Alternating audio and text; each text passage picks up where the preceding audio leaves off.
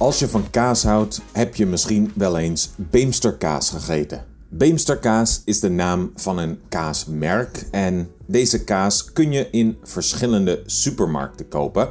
Misschien heb je je dan ook afgevraagd wat deze naam betekent, Beemsterkaas.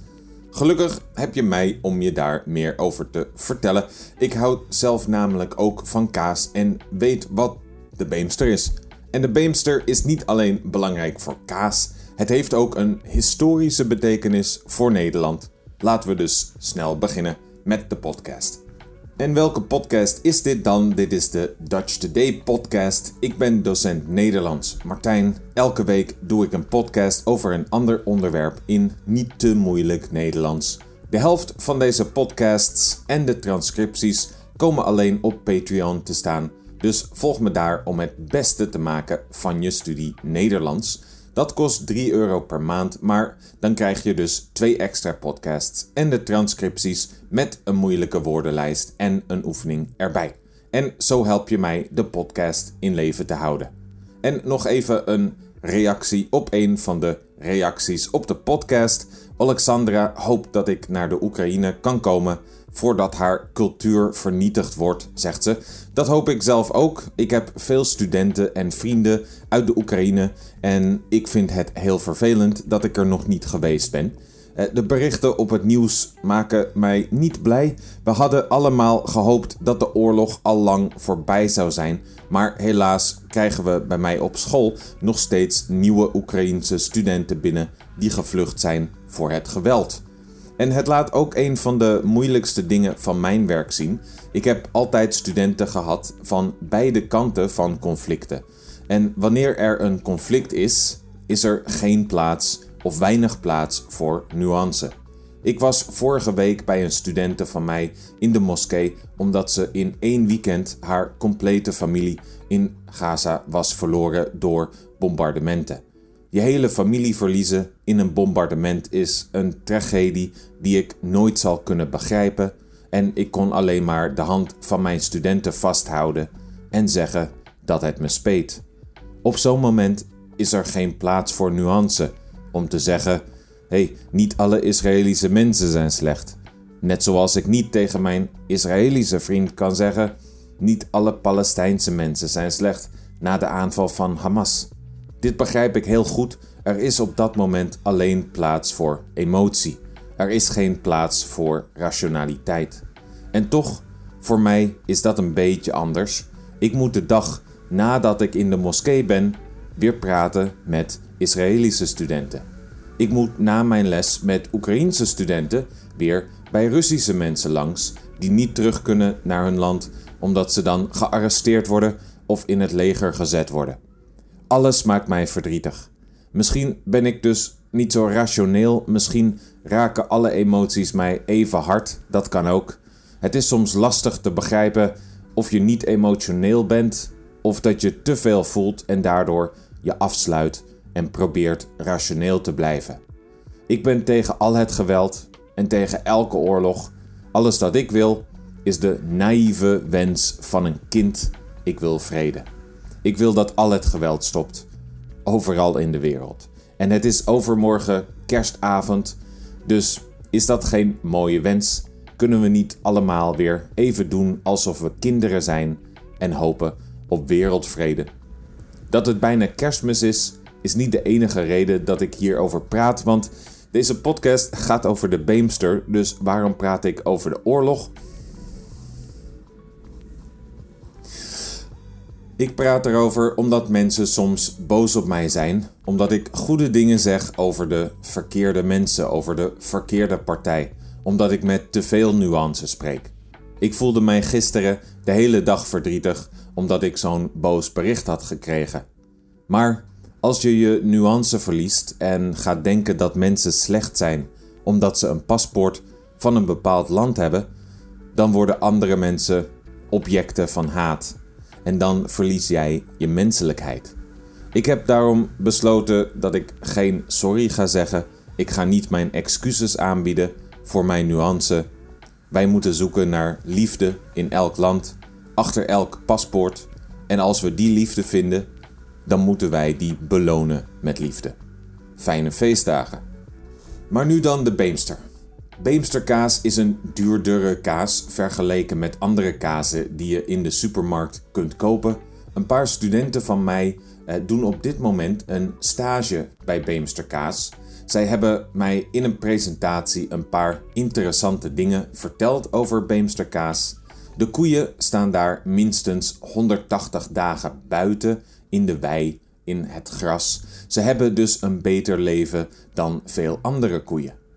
Beemsterkaas is sinds 2020 ook klimaatneutraal en doet dus haar best voor het milieu. De kaas wordt nog op een traditionele manier gemaakt en getest door kaasproevers. Medewerkers krijgen goed betaald, volgens mijn studenten, omdat het in de kaasmakerij heel erg stinkt. Niet omdat de kaas niet lekker is, maar door het proces. Maar dit is geen reclame-podcast voor Beemsterkaas. Het is alleen het bekendste aan de Beemster voor veel mensen, een naam die ze vaker zien. Want waar komt deze naam vandaan? Deze naam komt van de polder waar het bedrijf op staat. Een polder ken je misschien. Dit is grond dat vroeger onder water stond. Aan het begin van de 17e eeuw was de Beemster een groot meer, maar in 1607 werd besloten om dit meer droog te leggen. Een van de redenen dat de Beemster werd drooggelegd was dat Amsterdam steeds groter werd met meer mensen, waarvoor dus meer eten nodig was. En om eten te verbouwen had men meer grond nodig. Er werd een hoge dijk om het meer aangelegd van 38 kilometer lang. Om de dijk werd een kanaal aangelegd. Wanneer ze het meer leegpompten, kon het water dan in het nieuwe kanaal. Voor het leegpompen waren 43 molens nodig. Deze molens werden aangedreven door de wind. Deze molens stonden vaak in rijen achter elkaar van laag naar hoog op de dijk. Ze noemden dit molengangen. Zo kon het water stap voor stap omhoog gepompt worden, de dijk over, het kanaal in. Een van de mensen die hieraan werkte was Jan Leegwater. En nee, deze naam is geen toeval. Hij heeft deze naam gekregen omdat hij zo belangrijk was bij het leegpompen van het meer. Zijn huis stond tussen de Rijp en Wormerveer, waar ik opgegroeid ben. Het huis van Leegwater was in 1960 nog het oudste huis in de Rijp, maar omdat de eigenaar niet mee wilde werken, kon de Nederlandse regering er geen monument van maken. Het huis viel langzaam uit elkaar en is nu weg. Hij was niet alleen in de Beemster belangrijk, maar hij heeft ook de polders van Herugowaard, de Purmer, Schermer en Wormer drooggelegd. Hij heeft zelfs in Frankrijk en Engeland geholpen bij het droogleggen van moerassen. In Engeland was hij uitgenodigd door de koning, maar de lokale bevolking was niet blij met het plan en heeft leegwater met de dood bedreigd en terug naar Nederland gejaagd. De Beemster was in 1612 klaar. Er werden in geometrische patronen wegen en sloten aangelegd. Sloten zijn een soort kleine kanalen, door mensen gegraven. De nieuwe polder werd in stukken opgedeeld en deze stukken grond werden verdeeld onder de mensen die voor het droogleggen hadden betaald, de investeerders. De kwaliteit van de grond voor de landbouw was erg hoog en iedereen die geïnvesteerd had, kon er veel geld mee verdienen. De Beemster was toen al een economisch succes. Daarom vind je er nu ook nog grote buitenhuizen terug, grote weekendhuizen. Die werden in de regio gebouwd door succesvolle investeerders met het geld dat ze in de Beemster verdiend hadden. De polders van Herugowaard en de Schermer hadden grond van mindere kwaliteit, daarom waren de projecten daar economisch gezien minder succesvol. Hoe speciaal de Beemster is, blijkt uit het feit dat het sinds 1999 UNESCO Werelderfgoed is. Maar het was niet de eerste keer dat Nederlanders hun eigen land maakten. Al sinds de 6e eeuw werden er terpen en wieren aangelegd. Dat waren verhogingen om huizen op te bouwen. Die moesten hoger staan dan het land eromheen om veilig te zijn voor het water dat soms de huizen binnenkwam wanneer het hoog stond. De polders van de Beemster konden ook weer volstromen door de regen. Daarom werden de molens zo nu en dan weer aangezet om het water op peil te houden. In de 19e eeuw werden de molens vervangen door stoommachines, daarna door dieselmachines en uiteindelijk door elektrisch aangedreven pompen. De polders moeten nog steeds in de gaten gehouden worden. De Beemster is verdeeld in 50 stukjes met allemaal een eigen waterpeil. Boeren die groente en fruit telen willen graag een laagwaterpeil, omdat dat goed is voor hun gewassen, hun planten. Boeren die vee houden, als koeien en schapen, willen geen hoogwaterpeil en geen laagwaterpeil, maar mensen die in de Beemster wonen hebben het liefste een hoogwaterpeil, omdat de palen waarop hun huizen gebouwd zijn kunnen gaan rotten bij een laagwaterpeil.